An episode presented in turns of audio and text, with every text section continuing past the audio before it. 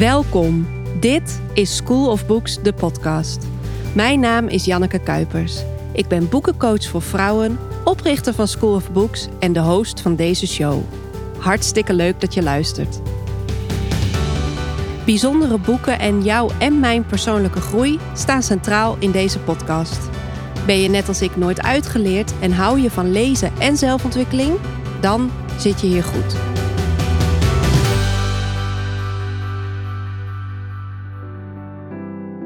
Suzanne van Duin, je kent haar misschien als vrije meid, is een online ondernemer die zes jaar geleden haar baan in loondienst heeft opgezegd om als zelfstandige waar ook ter wereld te kunnen werken. Eind 2018 besloot ze dat ze niet langer uurtje factuurtje wilde werken en begon ze te bouwen aan een bedrijf dat continu inkomsten genereert. Of ze nu achter haar laptop zit, in Australië, Thailand of waar dan ook, of als ze niet achter de laptop zit. Binnenkort verschijnt haar tweede boek, De route naar een ton per jaar. En vandaag hebben wij het over het volgen van je hart en het waarmaken van je dromen. Ook, of misschien wel juist, als het tegenzit.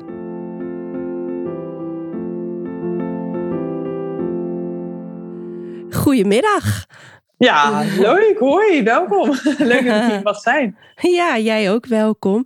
Hey, we zijn een beetje geïmproviseerd dit aan het opnemen, want uh, ik heb jou vanmorgen gemaild dat ik super verkouden ben.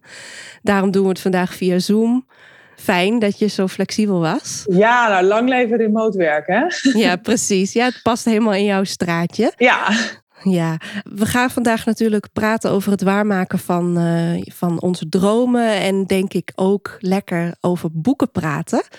Dus zullen we beginnen met mijn eerste vaste vraag. Namelijk, welk boek heeft je leven veranderd? Ja, ja daar heb ik inderdaad even over na zitten denken. Uh, want ik ben niet zo'n boekenlezer die één boek bijvoorbeeld acht keer leest of zo. Mm -hmm. uh, maar ik heb wel een boek gelezen vlak voordat ik voor mezelf begon. En dat was toch wel echt ja, een keerpunt in mijn leven. Um, en dat was de 4-hour workweek. De vierurige oh, ja. werkweek, of hoe heet het? De werkweek van vier uur volgens mij in het Nederlands. Ja, van Tim Ferriss, toch? Ja, en ik denk wel dat dat ja, voor mij echt wel ja, het begin is geweest van mijn nieuwe leven. Ja, en wat sprak jou daar dan precies in aan? Want hij zegt natuurlijk in dat boek ontzettend veel dingen. Ja, klopt, klopt. Je haalt er net uit wat voor jou op dat moment natuurlijk uh, handig is. Ik heb hem uh, vorig jaar dus nog een keer gelezen en toen heb ik ook heel andere dingen ja, tot me genomen. Um, nou, wat vooral voor mij werkte was dat hij zei... mensen die werken hun hele leven hard om dan later te kunnen gaan genieten. Um, en we denken dat we ook heel veel geld nodig hebben om dan uiteindelijk te kunnen genieten.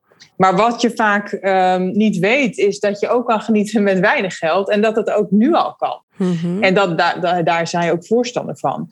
Dus op het moment dat jij net een eigen bedrijf hebt. En je neemt, ja, je kan al werken waar je wil. Dan heb je eigenlijk nu al vrijheid. En kan je eigenlijk al leven um, zoals je denkt na je pensioen te gaan leven. Oh ja. En mensen die denken dat ze miljonair moeten zijn om, om dan bijvoorbeeld nou ja, te kunnen reizen. Terwijl je kan ook prima reizen met 1500 euro per maand. Mm-hmm. Dus de, ja, we willen miljonair zijn, maar eigenlijk bedoelen we, we willen de vrijheid hebben om te kunnen reizen en lekker met een cocktail aan het zwembad te zitten. Maar dat is helemaal niet zo duur. Ja, precies. Hij heeft het volgens mij ook altijd over die uh, micropensioen. Ja, ja, precies. Toch? Tussendoor? Ja, inderdaad. Een soort van mini- of tussenpensioen. Ik weet niet helemaal wat het woord is. Maar ja, dat klopt. Dus dat, uh, dat is ook eigenlijk wat ik sindsdien uh, heb gedaan. Dat ik meer reis in mijn dagelijks leven eigenlijk. In plaats van dat je 40 jaar werkt en dan gaat genieten. Ja, en dat was dus vijf jaar geleden eigenlijk voor jou de, misschien wel de laatste schop onder je kont die je nodig had om je baan in loondienst op te zeggen? Uh, ja, zes jaar geleden eigenlijk al bijna. Ja, want ik heb in november 2015, dus echt zes jaar geleden, mijn, uh, mijn baan opgezegd. Om ja, het, het, de sprong te gaan wagen en het te gaan proberen als freelancer. Ja, leuk. Nou, volgens mij heb je geen spijt, hè? Nee, nee, nul. nul. Nou, gaan we door naar de volgende vraag. Wat is je lievelingsboek? Ja, die vind ik dus nog lastiger, omdat ik dus niet een boek heb wat ik dus jaar in jaar uit weer lees. Ja, het is waarschijnlijk heel fout om te zeggen, maar waarschijnlijk dan Harry Potter of zo. dat vind ik toch wel echt geweldig. Oh, maar ik zal je vertellen, volgens mij ben jij mijn derde podcastgast op rij die deze vraag beantwoordt met Harry Potter. Ja, ja kijk, dat zijn gewoon hele goede boeken. Uh, en als ik kijk naar iets wat ik misschien recent heb gelezen. Ja, ik vond bijvoorbeeld Shoe Dog van um, over Nike. Vond ik ook wel een heel leuk boek. En dat, is, dat gaat ook over ondernemen, maar het is ook leuk voor mensen die niet ondernemen, want het is eigenlijk ook meer een levensverhaal van de founder van Nike. Oh ja. En nu is dat een heel bekend merk, maar hij is ook gewoon op nul begonnen, gewoon een hele simpele man. En dat, ik vind biografieën heel erg leuk om te lezen. Ik vond uh, Michelle Obama's biografie ook heel erg leuk. Ja, die was mooi, hè? inspirerend. Ja, ik vind het altijd leuk als, je, als het vermakelijk is, maar ook dat je er wat van leert. Dat zijn eigenlijk mijn uh, favoriete boeken. Oké, ja, jouw criteria. Ja. En weet je van Harry Potter wat je favoriete deel dan zou zijn? Oeh. Nou, ik denk dat ik de, volgens mij deel 4 met de vuurbeker vond ik volgens mij heel tof. Maar ze werden eigenlijk ook steeds beter. En dat is, dat is niet vaak zo met natuurlijk series. In ieder geval niet met films of zo. Ja. Nee, maar ik heb ze allemaal gelezen en inderdaad, ja, echt briljant ook hoe je dat kan verzinnen gewoon. En dat vind ik dan als auteur ook wel heel interessant. Van hoe, hoe kan je het zo opschrijven en zo beeldend en zo, ja, ik ben meer van de non-fictie eh, boeken schrijven. Ja, precies. Ja, want jij hebt Work Hard, Travel Harder geschreven. Ik denk anderhalf jaar geleden is dat verschenen? Uh, ja, februari 2020. Oh ja, en uh, binnenkort komt dus uit de route naar een ton per jaar. Ja, klopt. Die komt in december uit. Ja, precies. Nou, dan weten de mensen dat meteen ook even. Uh, en dat is natuurlijk inderdaad uh, non-fictie. Dat gaat heel erg over jouw expertisegebied en ook over jouw eigen reis. Hè, van ja. eigenlijk loonslaaf naar uh, online ondernemen. Ja, ja, klopt. Ja, leuk. En hoe vaak en waar en hoe lees jij het liefst? Um, ik heb een e-reader, um, maar dat, moet ik, dat, dat heb ik vooral praktisch, omdat ik heel veel reis en ik wil niet uh, meer dan één boek meeslepen. Daarom heb ik een e-reader, maar als ik uh, mocht kiezen, als ik thuis ben, kies ik toch het liefst papier. Mm -hmm. Dat vind, ja, ik weet niet, dat heeft gewoon nog wel wat, hè. Ja. Um, en ja, ik zou zeggen, idealiter in mijn, in mijn ideale wereld uh, lees ik elke avond even voor ik ga slapen. Maar in de praktijk komt dat er niet altijd van. Of maak ik er geen tijd voor. Ik ben ja. vooral ook een vakantielezer. Op vakantie kan ik echt zo dan hup, weet je, elke paar dagen een boek lezen. Ja, precies. En als jij zegt vakantie, dan bedoel je dus niet reizen en tegelijk werken? Uh, ja, goede vraag. Eigenlijk bedoel ik een beetje beide. Kijk, als ik echt een vakantie heb aan het zwembad en echt niks doe, ja, dan verslind ik boeken. Ja. En als ik inderdaad op reis ben en gewoon mijn werk doe, ja, dan heb ik iets minder tijd om zoveel te lezen. Maar dan kan ik me wel vaak beter ertoe zetten. Of nou, dat klinkt als een moedje, maar ik kan me thuis niet altijd goed afsluiten om echt even door te lezen, zeg maar. Dan is het meer over een half uurtje voor het slapen gaan. En ik vind het ook heel moeilijk om te lezen als er meer, meer mensen in de kamer zijn met mij thuis. Oh ja. Uh, ik ben meer iemand die dus inderdaad of aan het zwembad moet liggen of in mijn eentje in bed. Of ja. met z'n tweeën aan het lezen. Maar als mijn vriend een serie aan het kijken is, dan kan ik niet zo goed op de bank ook een boek gaan lezen. Nee, precies. Nou, dat herken ik wel hoor. Ik ja. uh, vroeger, ik weet niet hoe dat was bij jou, maar toen ik echt een klein meisje was, dan mijn vader die luistert heel veel klassieke muziek en dat echt van die grote symfonie dingen. Maar ook uh, mijn broers, ik heb drie oudere broers, die keken natuurlijk altijd voetbal en Formule 1. En ik zat altijd in een hoekje op de bank met een boek op mijn schoot en ik was ik deed het boek open en ik was vertrokken. Ja. Nou, dat is niet meer zo. Nee, dus, nee, ik ben uh, wel als kind inderdaad las ik ook al heel veel. Ik heb altijd van lezen gehouden. Ik vond school ook altijd heel leuk. Ik kon goed lezen al op jonge leeftijd. Dus ik ging naar de bibliotheek inderdaad vroeger. Mm -hmm. Ik haalde dan zes boeken. Ja, ja dus het, dit zit er wel jong in bij mij. Ja, leuk. En schrijven ook trouwens. Ik, het lezen en het schrijven vind ik allebei uh, al heel lang leuk. Ja, leuk. En jij hebt ook al ruim tien jaar een blog, hè? Ja, bijna, um, bijna 13 jaar. 13 jaar. En was dat altijd al Vrije Meid? Nee, ik heb meerdere um, namen gehad. Vrije Meid is eigenlijk pas nou, een paar jaar geleden ontstaan, denk ik. toen ik op een gegeven moment dacht van ja, ik, ik blogde eigenlijk altijd een beetje over van alles wat ik leuk vond. Het was, meer, ja, het was altijd al een heel persoonlijke blog. Het ging ook wel echt over mijn leven en wat ik leuk vond om te delen. Mhm. En dat was eigenlijk een beetje van alles wat. Dus ik had uh, lang zoiets van ja, ben ik nou een reisblogger of ben ik nou een businessblogger of, of lifestyle moet je dat dan noemen. Mhm. Maar eigenlijk de overkoepelende factor, de gemene deler van alles wat ik, wat ik uh, schreef, was vrijheid. En toen dacht ik, hé, hey, volgens mij moet ik daar een beetje een naam omheen verzinnen. Nou ja, toen kwam Vrije Meid uh, in mijn hoofd op. Wanneer werd het Vrije Meid? Eerlijk gezegd weet ik dat niet eens, maar ik was inderdaad voor mezelf begonnen.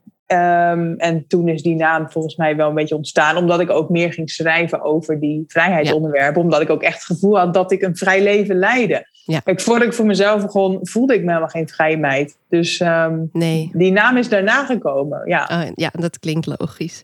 En wat is jouw gouden tip voor veel of meer leesplezier? Um, ja, een beetje schools, maar ik denk dat je toch wel echt een beetje die routine moet opbouwen om het ook echt te doen. Um, hè, want we hebben nooit allemaal opeens een paar uur over in ons leven. Mhm. dus ja, ik geloof heel erg in prioriteit in plaats, in plaats van tijd. Want iedereen heeft 24 uur in een dag, maar waar besteed jij je tijd aan? Uh, dus je moet er echt wel bewust voor kiezen om meer te gaan lezen.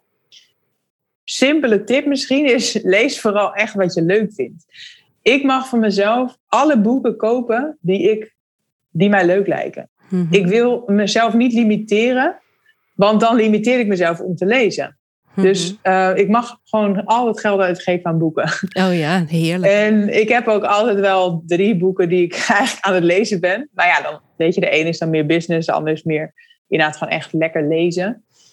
Um, en op, op het moment dat ik echt zit te, te struggelen om een boek uit te lezen, dan, dan leg ik het wel, dan leg ik het weg. Weet je, ik hoef niet van mezelf alle boeken per se helemaal uit te lezen.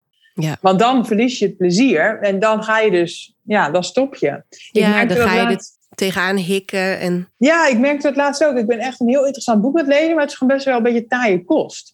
En doordat ik dat, dat boek aan het lezen was, merkte ik dat ik dus minder snel mijn e-reader pakte. En nu heb ik een ander boek gekocht van de week.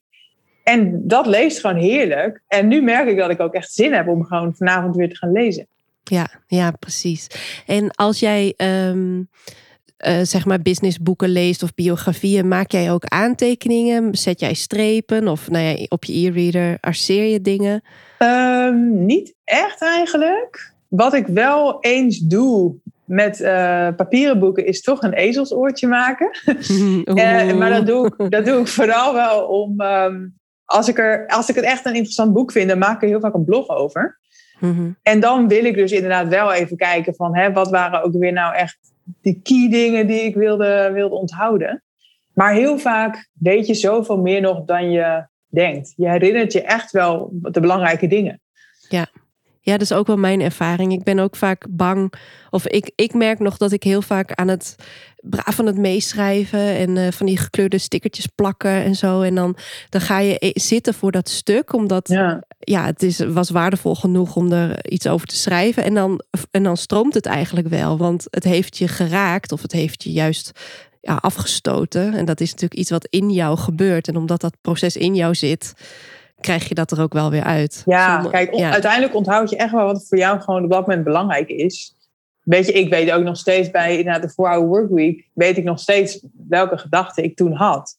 Ja. Ook al is dat niet met misschien de samenvatting, maar wel wat voor mij op dat moment het belangrijkste was. Ja, en over dat boek, toen jij dat dus een jaar geleden nog een keer teruglas, wat, wat heb je er toen uitgehaald? Uh, nou, toen zag ik opeens dat het veel meer ging over automatiseren en uitbesteden. Oh ja. Terwijl, terwijl ik dus toen ik zelf in loondienst was en vooral nog die vrijheidskeuze moest maken, dat ik, dat ik vooral las van hé, hey, je kan voor jezelf werken en vrijheid creëren en je kan een droomleven leiden, ook nu al.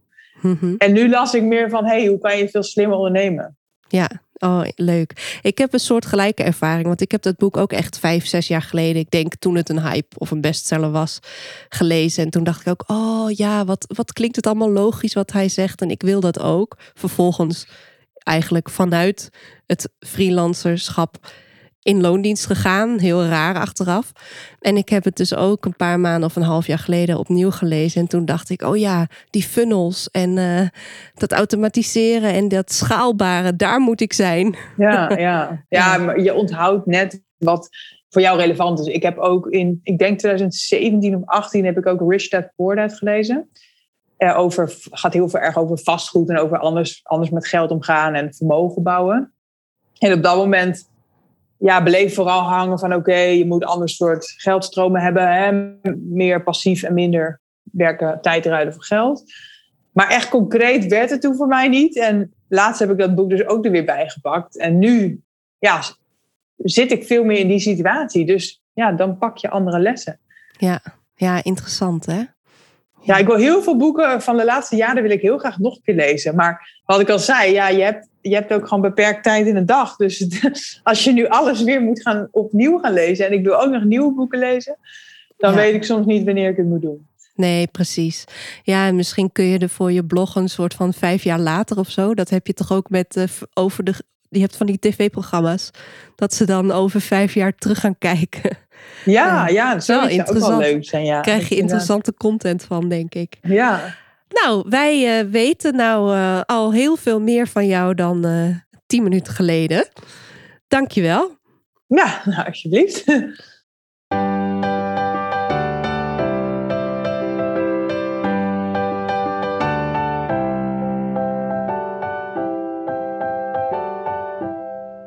Misschien is het leuk om te vertellen hoe ik voor het eerst uh, van jou gehoord heb. Oh ja, ik ben benieuwd. ja. Ik zat in december 2020 uh, net thuis ziek uitgeput van mijn baan in loondienst. En ik was in die tijd bezig met het uh, online programma van Celine Charlotte. Mm -hmm. um, Introvert Like a Boss. Oh ja. En uh, tegelijkertijd kwam er op nu.nl een artikel langs. En ik heb het nog geprobeerd terug te zoeken, maar dat lukte niet. En dat ging over deze mensen verdienen slapend hun geld of zo. Oh, zo ja, ja, zoiets ja, was het. Ik weet niet of jij dan weet welk artikel. Ik weet was. precies welk het was. Ja. en um, daar werden drie uh, ondernemers kwamen aan het woord. En ik geloof dat één vrouw foto's maakte en die dan. Ja, Raisa Zwart. Ja, die dat ja. dan s'nachts in Amerika verkocht ze die foto's. En dat derde verhaal weet ik niet meer. En jij, jij stond daartussen. Ja. En volgens mij uh, had jij het toen wel al echt over uh, dat je schaalbaar en automatiseren, da daar was je toen al. En omdat ik net dat programma van Celine Charlotte deed, begreep ik ook waar je het over had. Want ik denk dat als ik dat artikel een maand of zes weken eerder had gelezen, dan dacht ik, ja, leuk, Suzanne, lekker verhaal, maar dan was het niet gaan leven. Ja, precies. En ik weet nog dat ik op dat moment dacht, oh, maar dit is wat ik wil gaan doen. En um, toen ben ik je meteen gaan volgen op Instagram en zo. Nou, toen heb ik dus in de loop van 2021 mijn baan opgezegd en ben ik voor mezelf begonnen. Gefeliciteerd! Ja, superleuk hè.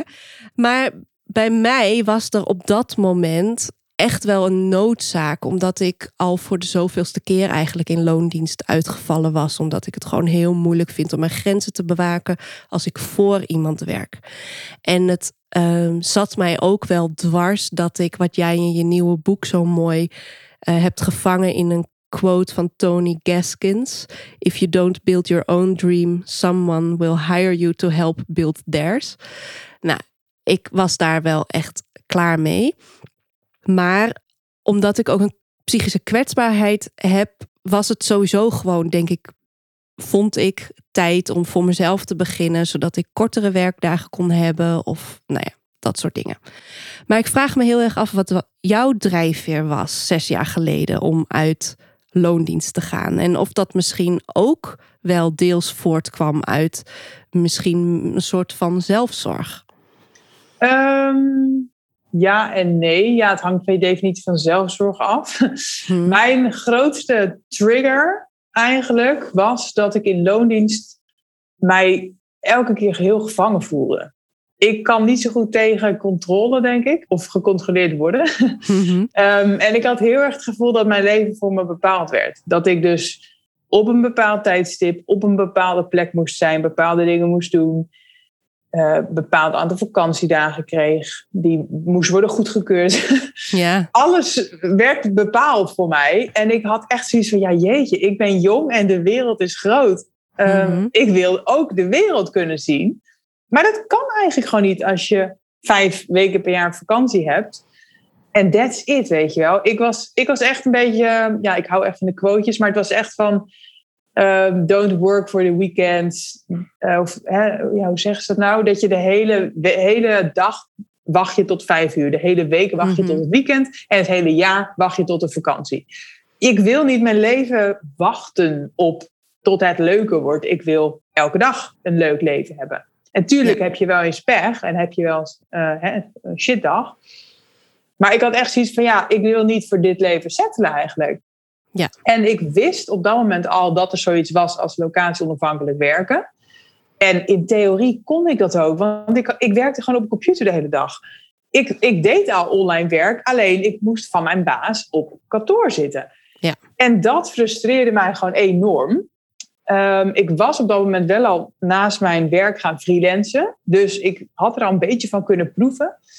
En op het moment dat ik um, een tweede freelance klus kreeg, een vaste klus eigenlijk, mm dat gaf mij eigenlijk het laatste setje dat ik dacht van ja, als ik gewoon nog één of twee van dit soort klussen erbij heb, dan ben ik er eigenlijk. Dan verdien ik net zoveel als een loondienst. En dan kan ik werken waar ik wil. En dan kan ik dus ook vanuit het buitenland werken en gewoon veel meer reizen. Ja, dus aanvankelijk, jij dacht, ik wissel mijn werkgever in voor opdrachtgevers, zodat ik eigenlijk hetzelfde computerwerk kan doen, maar dan waar dan ook ter wereld. Ja, dat was in eerste instantie mijn drive. En dat is ook mijn drive gebleven tot, denk ik, eind 2018. Mhm. Toen kwam een beetje die quote erin van: hmm, If you don't build your own dream, somebody else will hire you to help build theirs. Eind 2018 merkte ik van: Oké, hartstikke leuk dat ik overal kan werken. Maar ik wil eigenlijk helemaal niet altijd hoeven werken. Ja. Want soms ben je gewoon in een land waar het internet helemaal niet goed is. Of ben je ergens waar je gewoon lekker een keer twee weken offline wilt gaan. Mhm. En op het moment dat je dan, um, ja, dan moet je dus opdrachtgevers teleur gaan stellen. En sterker nog, er komt dan twee weken niks binnen. Ja. Want ik werk dan ook niet. Mhm. En ik heb, je krijgt natuurlijk geen vakantiegeld als je freelancer bent. Dus dat was uh, voor mij een beetje toen de trigger om een ander soort bedrijf op te gaan zetten. Om ja, schaalbare verdienmodellen op te gaan zetten. Ja. Um, die trigger kwam dus al eind 2018, maar ja, zoals je waarschijnlijk in mijn boek hebt gezien, is dat pas echt van de grond gekomen in 2020. Ja, wil je eens uitleggen wat een schaalbaar verdienmodel is? Ja, eigenlijk komt het erop neer bij een schaalbaar verdienmodel dat het iets is wat je kan laten groeien zonder dat je jouw tijd hoeft te laten groeien. Dus op het moment dat ik bijvoorbeeld een boek heb geschreven, of dat boek nu één keer verkocht wordt, of tien keer, of honderd keer, of duizend keer, het kost mij niet meer moeite. Dat boek is mhm. namelijk af zo meteen. Um, maar op het moment dat ik duizend boeken verkoop in plaats van tien, heb ik wel honderd keer zoveel uh, geld verdiend. Mhm. Dus um, ja, en het fijne is dat, zeker met zo'n boek, dat kan ook letterlijk verkocht worden als ik dus slaap. Want dat ligt gewoon in de winkel. Het staat op bol.com. Uh, tuurlijk doe ik daar ook wel wat promo voor nu. Maar op zich kan ik ook een week geen promo doen en kan ik ook verkopen. Ja. Dus het is, ja, het is schaalbaar. Je kan het laten groeien, of het kan groeien, zonder dat ik zelf een, ja, meer moet gaan werken in verhouding. En wat ben je toen vanaf eind 2018 dus gaan bouwen? Uh, nou, eind 2018 was ik uh, op reis voor vier maanden. Dus ik heb eerst heel even die reis afgemaakt. En uh, nou ja, trouwens, ik, ik ben begin 2019 vanuit Thailand al wel begonnen aan mijn eerste e-books. Ik dacht van nou, dan ga ik ehm, e-books ma maken. Dan ja, redelijk laagdrempelig. Want ja, ik hoef niet een hele uitgever te vinden. Ik, ik, ik maak gewoon een e-book van 5000 woorden of zo. En dan maak ik daar een pdf van. En dan verkoop ik dat aan mijn, mijn bloglezers. En ik dacht van nou, dan heb ik zo'n schaalbaar verdienmodel. En dan uh, als, als, nou, als, je, als je dan een paar van die boeken verkoopt elke, elke dag of elke week, dan uh, heb je toch een leuk extra inkomen. Wat in ieder geval wel doorloopt tijdens uh, een vakantie. Ja. Alleen, um, ja, toen realiseerde ik me al wel snel dat je wel heel veel van die e-books moet verkopen om daar een beetje van te leven. Want ik verkocht er zeg maar misschien 10 per maand. En dat is 150 euro omzet. Ja. Moet je nog belasting over betalen. Ik heb ook Ja. nog kosten. Mhm. Ja, daar doe je Ja. eigenlijk niet voor. Nee, daar kon je dan net een keer een avondje naar de bioscoop en dan daarna nog Ja. een paar drankjes. Hè? Dat, dat was het. Ja, en ik heb toen eh, uiteindelijk drie e-books gemaakt in korte tijd. Waardoor ik dacht van nou, hè, als ik dit trucje nou een keer drie doe, dan is het misschien 500 euro straks. Maar zelfs die 10 per maand per e-book redde ik eigenlijk niet. Omdat ik ook eigenlijk geen enkele marketingstrategie had om te, werken, om te, om te verkopen. Ehm, dus toen, ja, toen dacht ik, ja, wat dan hè? En ik had al wel nog steeds, ik had nog, natuurlijk nog steeds mijn blog. Dus wat ik toen probeerde is dat ik ook eh, vanuit mijn blog meer wilde verdienen door affiliate marketing. Dat betekent dat je ja, linkjes plaatst op je blog. Als mensen dan iets, eh, iets kopen via die link, dan ontvang ik een commissie. Mhm. Dus als ik bijvoorbeeld over een boek schrijf, dan doe ik er ook altijd een linkje naar bol.com. En op het moment dat iemand als een boek koopt, dan ontvang ik zeg maar 1,50 euro of zo. Mhm. Maar goed, ook hier zijn weer hele kleine bedragen. Dus je moet er dan wel heel veel, veel verkopen. Ja. Wil je daar ook weer een leuk zakcentje aan overhouden. Dus ja, dat was hem ook nog niet echt. Weet je, alles is meegenomen, hoor daar niet van. Maar, Mhm. maar niet dat je daar natuurlijk echt een inkomen uithaalt. Nee. Ja, wat heb je toen gedacht? Want je was eh, eigenlijk op zoek naar vrijheid en je had radicaal die keuze gemaakt. Eerst al zes jaar geleden en daarna eigenlijk nog een keertje. Hè, dat je het uurtje factuurtje ging inwisselen voor Ja. eh, een, nog weer een andere vorm van vrijheid. Mhm. En toen gebeurde dit. Ja, ik had, ehm, ik had ook best wel veel freelance klussen opgezegd. Omdat ik ook echt tijd wilde maken om het een kans te geven. Want heel veel mensen roepen van... oh, ik wil ook wel eens een side hustle. Of ik wil ook inderdaad ja, passief inkomen. Maar ja, het kost ook wel tijd om zoiets op te zetten. Mhm. Dus ik had veel freelance klussen opgezegd. Ik verdiende dus weinig meer met freelancen. Maar ik verdiende ook nog weinig met die nieuwe dingen. Dus 2019 werd mijn slechtste financiële jaar ooit. En in eigenlijk de eerste maand van 2020, nou ja, om en nabij toen, had ik inderdaad zoiets van: oké, het moet nu echt, echt, echt van de grond gaan komen. En anders, ja, anders moet ik toch wel weer echt een goede freelance klus gaan vinden. Of intrimmen, of ja, terug in loondienst. Uh, ja, een van, van de andere opties, zeg maar. Mhm. Maar ik wilde het echt, echt een kans hebben gegeven. Dus ik had zoiets, oké, wat moet ik dan doen om het, om het ook echt een laatste kans te geven? Nou, toen heb ik een business coach ingehuurd om mij te gaan helpen om dus wel een goed aanbod te maken en een goede marketingstrategie erachter te, te zetten. Ik ben elke maand mensen gaan interviewen die wel succesvol zijn. Mhm. Ja, hè, wat, wat is succes, maar die zeg maar wel in ieder geval goed rondkwamen met hun eigen dingen. Ja, dus die eigenlijk een, eenzelfde soort onderneming of eenzelfde soort verdienmodel hadden, maar waar het dus wel liep. Ja, niet, niet zozeer e-books hoor, maar ehm, niet dat ze aan het freelancen waren in ieder geval. En ook niet in dooddienst. Dus ja, Ja. wel gewoon ondernemerschap. En ik ben eh, heel veel boeken gelezen ook. Ja, ja, echt ge- ja, kennis opdoen. Van ja, oké, er zijn vast mensen die dit al doen. Dat, dat wist ik ook eigenlijk wel. Maar, maar wat doen ze dan precies? En hoe denken ze? Eh, hoe verkopen ze? Eh, ja, ik heb van allerlei boeken gelezen over geld en ondernemerschap en mindset. Ja. ja, want in je nieuwste boek beschrijf je dus eh, heel, ja, vind ik echt heel mooi om te lezen en ook een hele mooie aanvulling op alles wat op Instagram door vrouwelijke ondernemers gepost wordt. Dat het echt wel ruk was. Hè? Je, bent, je hebt echt heel veel financiële stress gehad. Ja, En, ehm, en ik vroeg me af hoe het mentaal toen met jou ging en wat je deed om jezelf mentaal ja, scherp en gezond te houden. Omdat het heeft echt lang geduurd. Je, hebt, ja. je bent echt tot het gaatje gegaan volgens mij. Ja, ik, stiekem heb ik ook zo'n gevoel dat je soms rock bottom moet gaan om weer eruit te komen. Dus ik eh, ben wel iemand die een beetje goed gaat op noodzaak, zeg maar. Dat deed ik Mhm. vroeger al met scriptie of zo. Dat je dan op het moment dat je gewoon echt een deadline hebt en het moet af, Ja. hè, dan kan je opeens wat doen. Ja. En ik ging nooit vijf weken van tevoren leren voor een tentamen. Ik wachtte altijd tot het laatste moment en dan Ja. had ik echt noodzaak. En ik denk dus dat ik, ja, ik weet niet, onbewust of zo, dat ik toch wel wist van oké, ik heb nog spaargeld. Dus ik, ik zie het wel, weet je wel. Dat, dat, dat, ja, dat ik echt gewoon helemaal blut moest zijn voordat het ging lukken of zo. Ja. Ehm, maar even denk hoor, in 2019, ja, het was heel dubbel. Want aan de ene kant had ik er dus zelf voor gekozen om minder nou ja, te freelancen en dus minder te verdienen om tijd te maken. Maar ja, um, ik leverde wel inderdaad echt wel in op dat inkomen. En in, in, het begin had ik gewoon nog een buffer. Dus ja, dan dacht ik, nou ja, weet je, dan pak ik daar wat van. Maar op een gegeven moment ja, werd dat toch wel moeilijker. En ik, ik had op dat moment al mijn eerste boekdeal binnengesleept. Dus aan de ene kant was ik heel blij en de buitenwereld dacht van, oh, weet je, lekker bezig. Mhm. Maar tegelijkertijd voelde ik me dus best wel zielig en, uh, en sneu. En ik had toen ook een uh, reis naar Australië al geboekt staan. Die had ik ook al, nou ja, de ticket had ik al bijna een jaar. Maar eigenlijk had ik gewoon echt geen geld op dat moment om dat te doen. Ik, het was niet echt heel verstandig. Mm Maar ja, ik ging nou eenmaal wel. Dus ik dacht, nou oké, okay, fuck it. Dan spreek ik nog maar wat spaargeld aan, weet je wel. Ja, je bent er dan toch. Australië is niet goedkoop.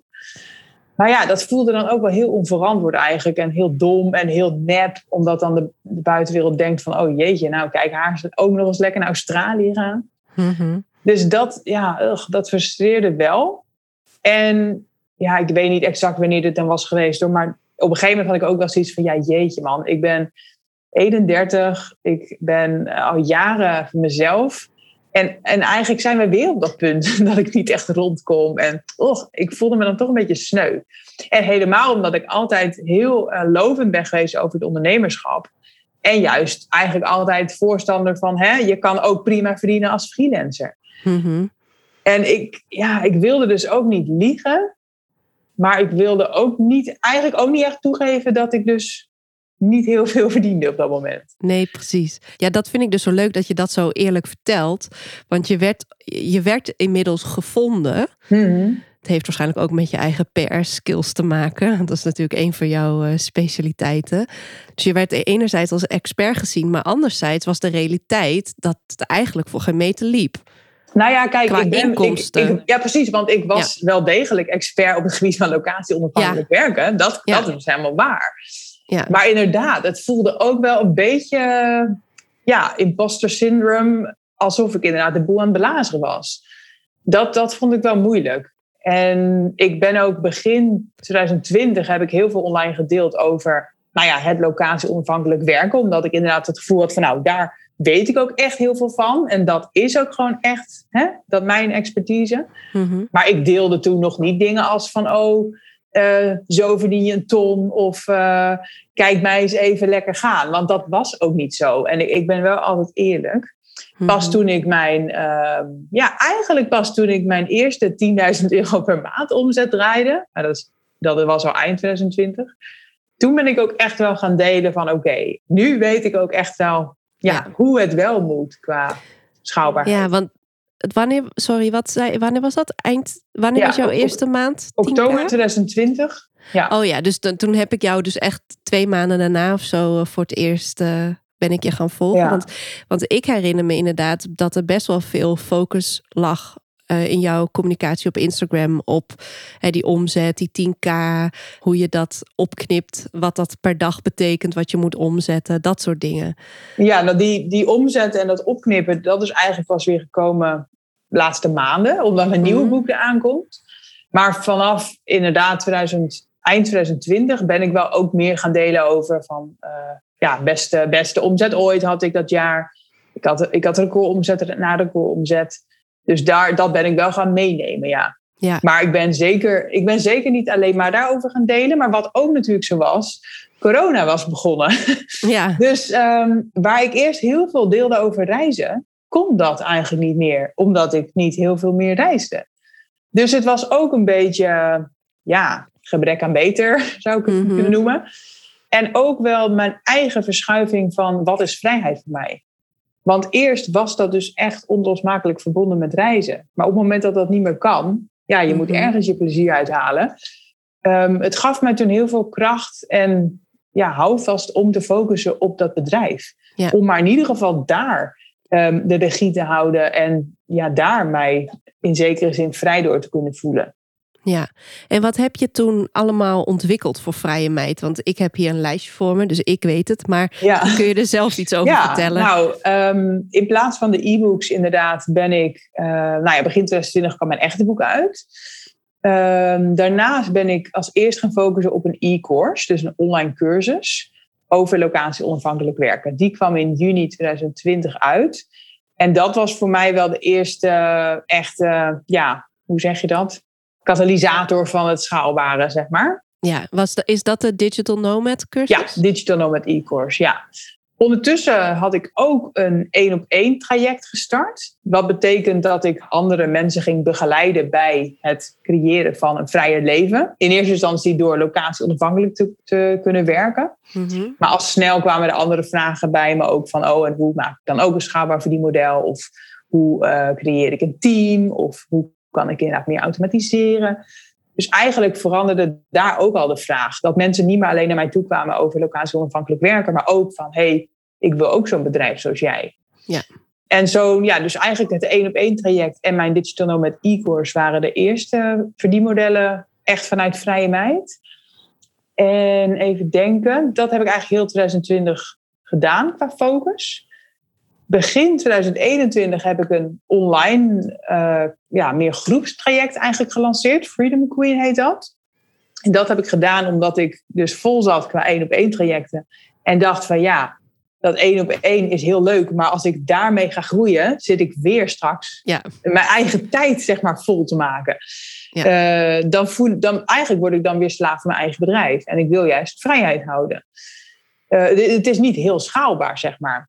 Dus uh, ik dacht, als ik een groepstraject doe, dan kan ik veel meer mensen helpen, terwijl het me dezelfde tijd kost. Ja, en vanuit dat groepstraject waarschijnlijk krijg je dan automatisch weer één op één mensen die verder willen um, met je. Niet per se. Tot nu toe niet. Het is meer dat het of-of is. Mensen willen of gewoon heel graag mij één op één als coach. Of ze vinden dat inderdaad, nou ja, bijvoorbeeld te duur. Of ze vinden het gewoon leuk ook om in een groepen te doen. Omdat ze mhm. willen leren van anderen ook weer. Uh, en kiezen dan dus voor het groepstraject. Wat ik toen ook vaak hoorde, eigenlijk ja, zowel voor mijn Digital Nomad e-course als voor dat groepstraject, was de vraag van, ja, leuk, maar ik weet eigenlijk helemaal niet wat ik dan kan gaan doen.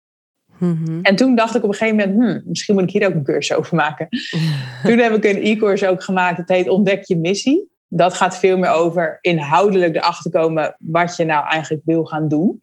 Dus niet zozeer mhm. hoe je de locatie onafhankelijk kan doen, maar meer waar gaat je business over? Wat vind je leuk ook vooral? Want dat had ik dus gemerkt in 2020. Ik deed eigenlijk alleen nog maar wat ik leuk vond. En daarmee had ik mijn beste jaar ooit gedraaid. Ja. Dus ik had ook wel zoiets van, jeetje, dit is ook eigenlijk wel misschien juist de truc om mhm. een goed salaris te verdienen. Als je echt doet wat je leuk vindt, hou je het makkelijk vol. En dan, dan straal je dat ook uit. Ja, en dan trek je ook mensen aan dat ze dat zien. En die, dat ontdek je missie, dat vind ik dan wel interessant. Hoe, hoe heb je dat aangepakt? Wat waren jouw bronnen voor het creëren van die cursus? Uh, nou, deels um, mijn eigen ervaring, maar ook eigenlijk hoe ik daar zelf achter ben gekomen. Kijk, ik heb in al de afgelopen jaren heb ik heel veel boeken gelezen en veel cursussen gevolgd. En nou ja, mezelf goed leren kennen, want ondernemerschap is sowieso een grote spiegel.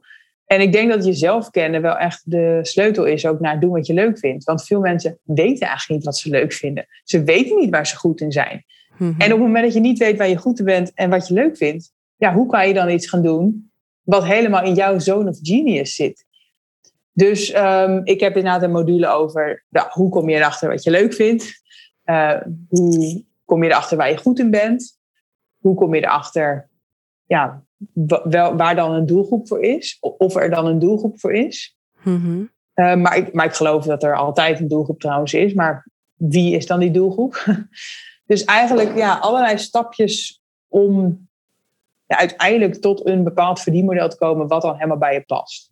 Ja, ja, interessant. En ik, ja, ik verwijs ook naar allerlei persoonlijkheidstesten of een opdracht om aan je vrienden te vragen wat zij dan je beste eigenschappen vinden. Weet je, ja, er zitten ook gewoon heel veel oefeningen in, want het is, ja, het is ook gewoon heel veel doen en proberen. Mm ja. Ik ben er ook achter gekomen wat ik leuk vind door gewoon heel veel te proberen.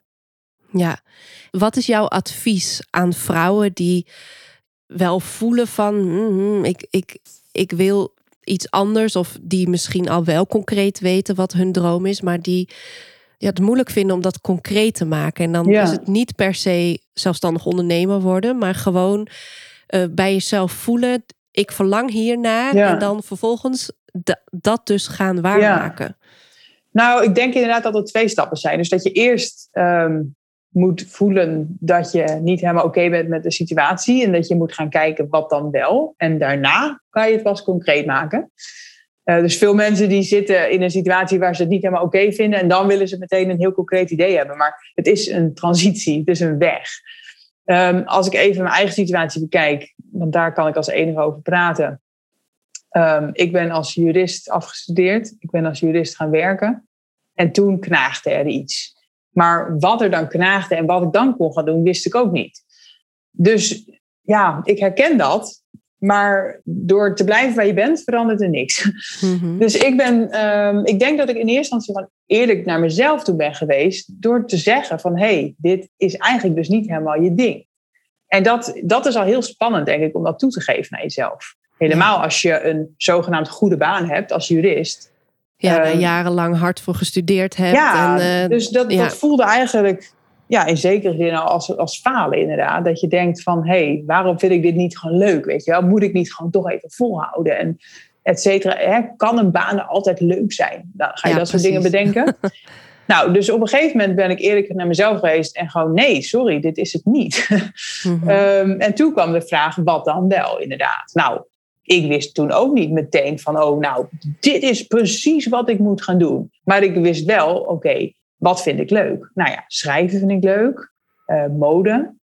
Weet je, het zijn twee onderwerpen. En ik had echt niet meteen een, een, een hele vacature voor me. Maar ik ging gewoon een beetje zoeken op Indeed.nl van nou, mode, schrijven, weet je wel. Gewoon een beetje om je heen kijken. En wat dat betreft ben ik een beetje, denk ik, meer een man dan een vrouw. Van mannen die solliciteren op vacatures waar ze zeg maar aan twee eisen voldoen, hè, in plaats van tien. Ja. En vrouwen die voldoen aan negen van de tien en die solliciteren dan niet. Ja. Even generaliserend gezegd. Ja. En ik ben dus meer de, de eerste persoon. Ja, en mannen die schijnen dan ook, ehm, als we verder generaliseren, te, denken, te denken: oh, dat kan ik misschien niet, maar dat kan ik wel leren. Ja, nou inderdaad. En eigenlijk ben ik ook wel een beetje zo. Ik had echt zoiets van, nou ja, weet je, als ze me niet aannemen, nou ja, dan weet ik dat, maar ik ga het in ieder geval proberen. Dus op een gegeven moment zag ik een vacature voor een redacteur bij een modevakblad. En ik dacht gewoon van, nou ja, weet je, ehm, ik ben niet gek, ik kan, ik kan schrijven. Ja, we gaan het zien. Dus ik solliciteerde en ik mocht op gesprek komen. En het gesprek was heel erg leuk. En ik ben aangenomen. En als zij dan in mij geloven, dan geloof ik ook in mezelf. Want zij nemen me niet voor niets aan. Dus toen ben ik gewoon dat gaan doen. Ben ik mhm. ergens anders gaan werken. En ja, uiteindelijk was dat ook niet 100% mijn droombaan. Want ik heb hem ook na een jaar opgezegd. Maar dat zie ik dan niet als falen. Dat zie ik als een stapje verder komen. Mhm. En ik denk dat daar dus ook weer een les in zit voor mensen die niet weten wat ze dan moeten gaan doen. Je hoeft het niet meteen goed te doen. Er is niet zoiets als eigenlijk het fout doen. Behalve als je geen actie onderneemt. Ja. Dus na uh, Textilia was dat, ehm, ben ik weer verder gaan zoeken. Of van oké, weet je wel, ik weet nu dat het jurist uh, niks voor me is. Of nou, niet 100%. Ik weet dat het redacteur bij een modevakblad ook, ook niet 100% voor me is. Maar wat wel? Nou, toen ben ik gaan kijken welke elementen uit deze baan vind ik wel leuk. Welke elementen vind ik niet leuk. Nou, ik wist dat ik dat ik hè, het hele online wereldje leuk vond, dat ik het mediawereldje leuk vond, dat ik schrijven wel leuk vond, maar niet per se ja, als doel aan zich, maar meer als middel wilde inzetten. Mhm. Voor ja, het leukste bij Textilia vond ik eigenlijk om bedrijven in de spotlight te zetten. Toen dacht ik, hé, hey, volgens mij is dat iets met PR. Nou, toen ben ik gaan zoeken naar vacatures weer. PR, online, media, weet je, dat soort termen intypen. En toen kwam er ook een vacature boven bij een PR-bureau. Ik, nou, dan solliciteer ik daar gewoon. Ja. En toen ben ik ook weer aangenomen. Ja. Ja, dus eigenlijk als we het even samenvatten, dan is jouw tip vooral kom in beweging. Ja. Um, want door die stap te zetten, uh, wordt je pad wel zichtbaar. En als je stil blijft staan, dan ontdek je eigenlijk niks over jezelf. Ja, ja, ik weet nog heel goed ook dat ik tijdens die stappen echt dacht van I don't know where I'm going, but I'm closer than I was yesterday. Weet je wel, van ik heb ook geen idee waar dit toe leidt, maar ik weet dat ik in ieder geval in actie ben. Dat ik, dat ik er wel kom door deze stappen te zetten. En dat is ook weer zo'n quoteje van: hey, you don't have to see the whole staircase to take the first step. Ja, precies. nou, dat had, hield ik gewoon uh, in gedachten. En bij die derde baan eigenlijk, bij, uh, bij dat PR-bureau, toen viel eigenlijk ook pas het kwartje van: hey, ik zoek elke keer naar een inhoudelijke droombaan, maar die inhoud is juist niet wat mij irriteert. Hmm. Die inhoud is eigenlijk elke keer best wel prima, maar het zijn meer die randvoorwaarden die ik zo irritant vind. Ja, dat benauwende van dat. Ja, die vakantiedagen, die werkplek, die werktijden, die werkdagen. Iemand anders bepaalt wat je doet.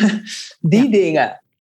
Dus toen hmm. dacht ik van, hé, hey, ik, ik vind schrijven inderdaad hartstikke leuk. En ik vind PR-werk ook hartstikke leuk. Maar ik wil dat dan gewoon op eigen voorwaarden doen. Ja, jij deelt op Instagram ook wel eens over dat er best wel mensen pittige meningen hebben over wat je doet. Ik mhm. denk vooral nu je zo heel open deelt over uh, money, mindset en, en geld en wat je binnenbrengt. Wil je daar eens wat over vertellen? Dus waar je in je onderneming nu tegenaan loopt in de reacties van anderen, maar dan vervolgens ook hoe je daar dus mee omgaat in het algemeen. Dat jij je eigen pad aan het bewandelen bent en dat mensen daar dus van alles over vinden. Nou, eigenlijk loop ik daar dus helemaal niet meer tegenaan, want het boeit me echt helemaal niets meer. maar in het begin wel. Ik, uh, überhaupt, de, vanaf eigenlijk dus die carrière switch vond ik dat heel spannend wat mensen daarvan vonden. Want niet iedereen begrijpt dat. En die mensen gaan zeggen van jeetje, zou je dat nou wel doen, Suzanne? En vind, hè, vind je het niet onzeker om je baan op te zeggen? En uh, in deze tijd en uh, weet ik het. Mm-hmm. Dus toen dacht ik ook wel eens van jeetje, ja, ja ben ik niet gek inderdaad? Hè? Moet ik dit dan wel doen? Um, maar ja, ik deed het wel. Ik bleef wel dicht bij mezelf. Dus ik denk dat het heel belangrijk is om goed, ja, zo cliché, maar gewoon, het is jouw leven. Hè? Jij moet het leuk vinden. En niet mhm. je ouders of je vrienden. En wat ik op een gegeven moment ook wel heel erg besefte, en, en dat, is, ja, dat is echt zo, zo waar. Wat anderen zeggen, dat zegt vooral wat over hun eigen visie. En niet over jouw leven. Mhm. Dus als iemand zegt van, oh, zou je dat nou wel doen? Dan zeggen ze eigenlijk van, ja, ik zou dat nooit doen. Maar, dat, maar dat zegt niet dat ik dat niet moet doen. Nee. Dus toen dat kwartje op een gegeven moment viel, uh, kon ik meningen van anderen veel beter naast me neerleggen. En dat zegt niet dat ik nooit tegen kritiek kan hoor, of dat ik nooit iets doe met feedback. Maar ik kan wel heel goed beoordelen van, is dit inderdaad feedback waar ik echt iets mee kan of moet? Of is dit gewoon de beperkende gedachte van de ander? En inmiddels ben ik daar dus ja, redelijk getraind in. Uh, en als ik dus opmerkingen krijg over mijn inkomen van... oh, nou ja, ik ben liever gelukkig. Dan denk ik, ja, leuk voor jou. Uh, maar ik vind het ook belangrijk om wel uh, veel geld te verdienen. Ja. En ik ben ook gelukkig. Ja, hoe, ondanks dat vele geld ja. je verdient, ben je gelukkig. Oh, ja, nou. dan denk ik, oh, diegene heeft de beperkende gedachte dat het geld of geluk is. Nou, ja. ik heb die gedachte, gedachte gelukkig niet meer. Nee, precies. Nou, mooi. Ja, want jouw nieuwe boek verschijnt dus in december. Ja. Ik noemde het net al even. Het heet De route naar een ton per jaar. En wat ik vooral zo waardeer aan het boek is dat je er heel erg open en eerlijk in bent over dat het allemaal niet zonder slag en stoot is gegaan nee. bij jou. en ik vind het moedig dat je ja, dat zo laat zien dat het financieel zo lang afzien was. En uh, ja, super inspirerend om te lezen. Dat je doorzet en dat je blijft zoeken. En dat je uiteindelijk ook dus een coach uh, inschakelt. Omdat je ja, op een gegeven moment wel door hebt dat als je ja, steeds hetzelfde blijft doen, dan kom je er natuurlijk niet. Ja, nee, precies. Je, je, op een gegeven moment heb je je eigen blinde vlek. Hè? Dan, je gaat niet opeens zelf een heel nieuw inzicht krijgen. Nee. nee, en het is zo grappig, want je noemt jezelf dus heel eigenwijs. Uh, maar dan heb je op een gegeven moment toch maar bedacht: oké, hier kom ik alleen niet meer uit. Ja. en ik vind het gewoon, dat vond ik heerlijk om uh, te lezen. En ik denk dat het in die zin ook echt een heel inspirerend boek is voor vrouwen die misschien niet per se dromen van zelfstandig ondernemerschap. Maar uh, ja, je zou het boek ook als een. Um, bijna een biografie kunnen zien van een vrouw die gewoon ja, de droom achterna gaat. Ja, ik, ik, ik, ehm, niet dat ik mezelf vergelijk met Phil Knight, maar ik vind het een beetje net als met Shoe Dog, dat je, ook al wil ik zelf niet een bedrijf zoals Nike oprichten, ik vind het nog steeds heel inspirerend om te lezen hoe hij dat heeft gedaan. En vooral de les die ik eruit haal is inderdaad volhouden. Mhm. En dat gaat natuurlijk, dat kan je op allerlei situaties toepassen. Ja, ja, leuk. Ja, en als je wel zelfstandig ondernemer bent, dan is het boek sowieso een page turner. Want ja, jij beschrijft eigenlijk in één mooi lopend, snel lezend verhaal. Wat je op Instagram in allemaal kleine fragmentjes van al die zelfstandige ondernemers en business coaches enzovoort meekrijgt. Dus dat is hartstikke leuk. Maar ik dacht, laten we toch nog heel even afsluitend ingaan op ja, toch jouw uh, relatie met geld en hoe open je mhm. daarover bent. Want dit boek is natuurlijk zo in your face. Het heet ook De route naar een ton per jaar. Wil je toch nog iets vertellen over waarom jij in die zin ja, zo focust op geld? In ieder geval in je communicatie. Ja, nou, ik focus op geld omdat het voor mij een belangrijk middel is om mij vrij te voelen. Kijk, we kunnen inderdaad allemaal zeggen, ook oh, wil gezond zijn en gelukkig en veel reizen. Maar, maar geld maakt dat wel mogelijk op veel fronten. Mhm. Dus um, ja, ik focus op geld, maar wel omdat het een middel is. Dus ik focus, geld is niet mijn einddoel, zeg maar. Laat dat even voorop, eh, voorop staan.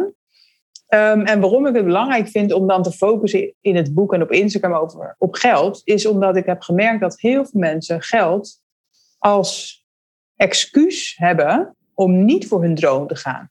Weet je, vraag iemand inderdaad van, hè, wil je naar een andere baan of wat, ja, het ontdekken van je droom en het waarmaken van je droom. Geld is altijd een onderwerp daarin.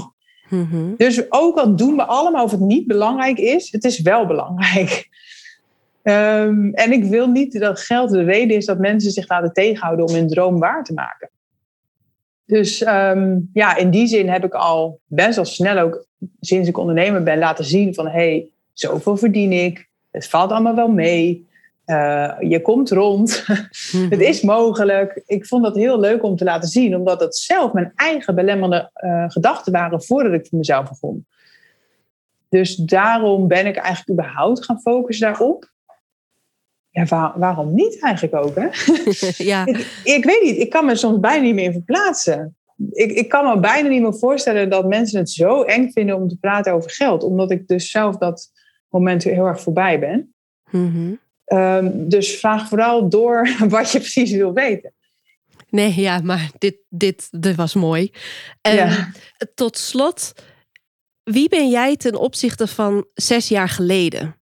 Oeh, ja. Um, aan de ene kant een heel ander persoon. Aan de andere kant was ik die persoon al, maar zat die persoon toen misschien een beetje vast.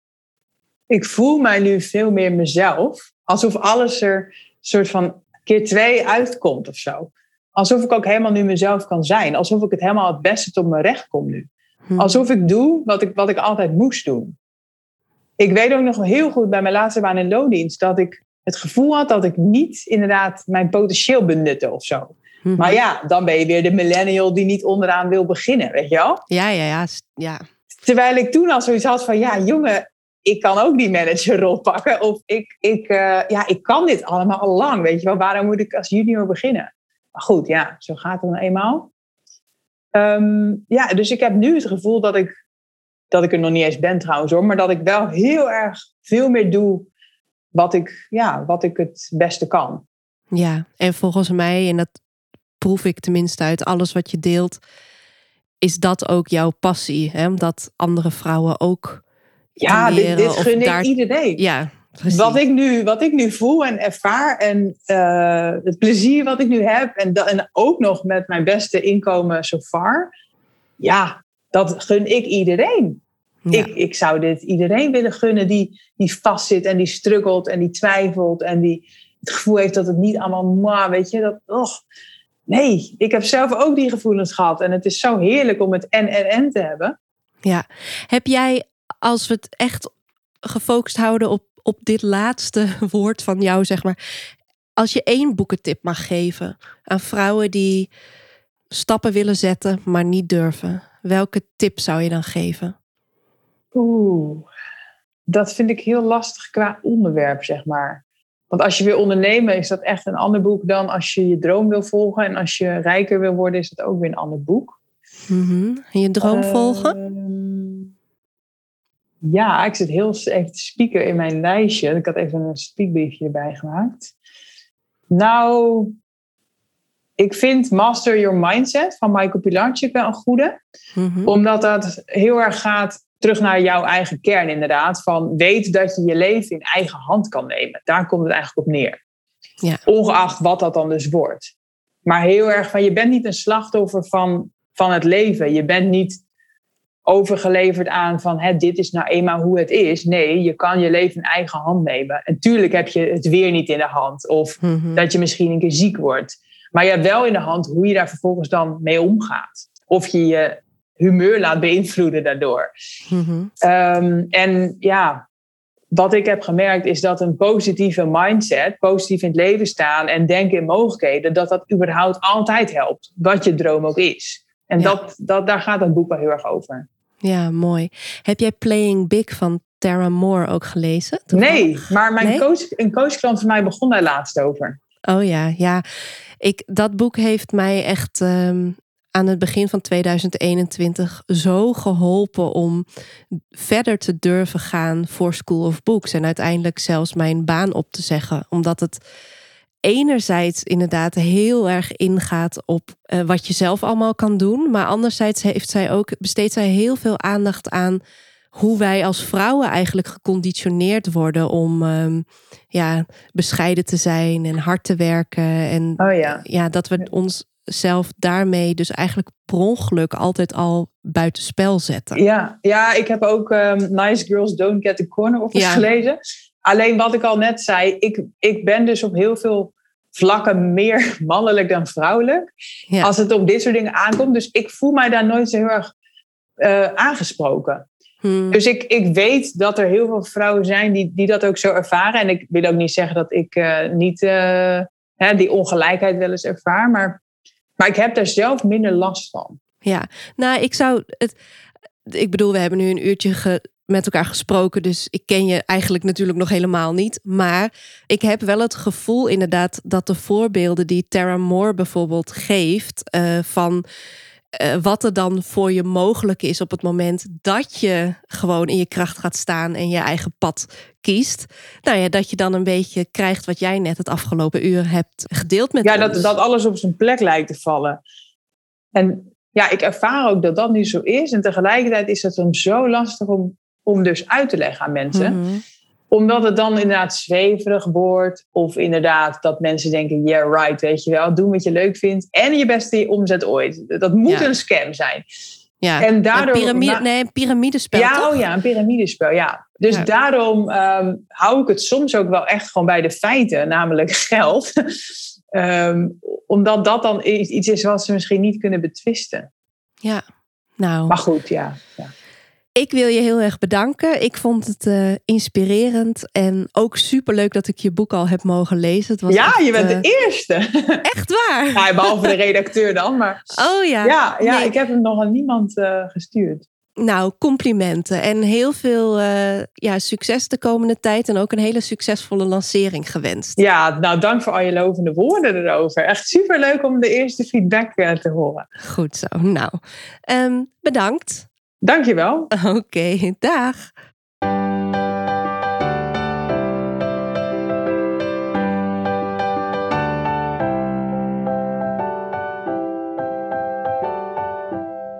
Ik noemde net Playing Big, geschreven door Tara Moore al even. Als jij eh, voelt dat je een grootse droom hebt, dat je hier op aarde bent met een reden, of dat je gewoon simpel een verlangen hebt om beter uit de verf te komen met alle talenten die je weet, hè, die er in jou zitten, dan kan ik je echt aanraden om dat boek te lezen. En donderdagavond 20 januari in 2022 bespreek ik dit boek met de online leesclub van School of Books. Ga eventjes naar mijn website en daar kun je een kaartje kopen voor deze editie. En ik wil je echt even op het hart drukken dat ik dat boek heel bewust gekozen heb voor de leesclub in januari. Omdat het een heel krachtig boek is. En ik geloof dat als je daar in januari tijd in investeert, dat je daar eigenlijk het hele jaar profijt van gaat hebben in het uh, ja, vormgeven van je leven en het uh, waarmaken van je doelen. Omdat het in de basis, in je onderbewuste, heel veel obstakels gaat wegnemen die jou nu misschien nog tegenhouden om ja, uh, volledig je potentie te gaan benutten. En als je dat lelijke, vieze, productieve taal vindt, want dat is het gewoon eigenlijk wel, dan zou ik willen zeggen: gun jezelf de mildheid en de liefdevolle ja, visie van Tara Moore op wie jij bent en op wat jij in je hebt. En ja, laat je door haar meevoeren in die wijze lessen die maken dat je een leven kunt bouwen voor jezelf waarin je je authentieke zelf kunt zijn. Een kaartje voor de online leesclub kost 15 euro. Uh, je krijgt van mij een mail met daarin een Zoom-link. En wij uh, gaan dan met z'n allen op donderdagavond tegelijkertijd inloggen in Zoom. En dan uh, maken we dus tijd voor een goed gesprek met elkaar. En zoals ik altijd al zeg, het is mijn ervaring dat als je tijd maakt voor een goed gesprek met elkaar, dan ontstaat er eigenlijk altijd iets moois. We gaan elkaar uh, inspireren en we gaan ook tijdens die leesclubavond kijken naar welke concrete stap jij diezelfde avond of misschien die volgende dag kan zetten om weer een heel klein beetje dichter bij jouw droomleven te komen.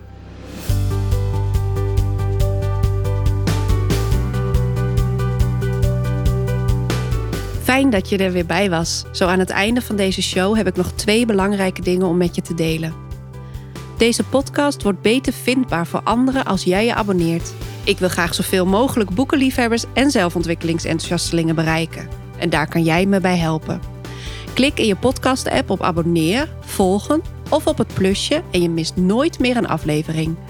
Ook met een positieve review op iTunes of in de podcast-app van Apple doe je me een groot plezier. Het is en blijft bijzonder als luisteraars iets van zich laten horen. Wil je me laten weten wat voor les of inzicht je uit deze podcast hebt gehaald? Is er iets wat je raakte of heb je een boekentip? Stuur een mail naar janneke@schoolofbooks.nl of DM me via Instagram. Ik zal nooit iets delen zonder jouw toestemming, dus daar hoef je niet bang voor te zijn. Mijn volledige contactgegevens vind je in de show notes. Tot de volgende!